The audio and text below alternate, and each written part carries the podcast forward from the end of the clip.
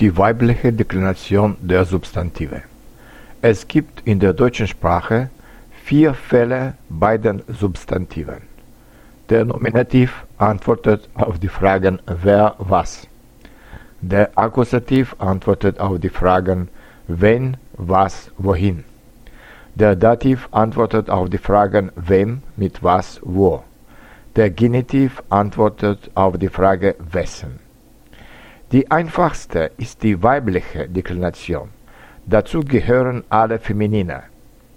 Nominativ die eine Frau, die eine Stadt. Akkusativ die eine Frau, die eine Stadt. Dativ der einer Frau, der einer Stadt. Genitiv der einer Frau, der einer Stadt. Beachten Sie, dass die Artikelformen im Nominativ und Akkusativ gleich sind, wie auch im Dativ und Genitiv. Dieselben Endungen haben die Possessivpronomen in der weiblichen Deklination. Meine, deine Frau. Akkusativ. Meine, deine Frau. Dativ. Meiner, deiner Frau. Genitiv. Meiner, deiner Frau. Und jetzt lesen Sie die Beispiele. Das ist meine Frau.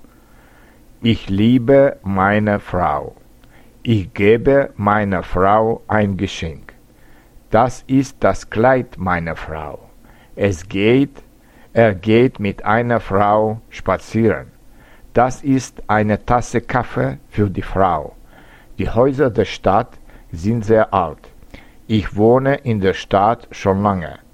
Das Gebäude der Universität ist großartig. Versuchen Sie jetzt selbstständig eine weibliche Substantive zu deklinieren.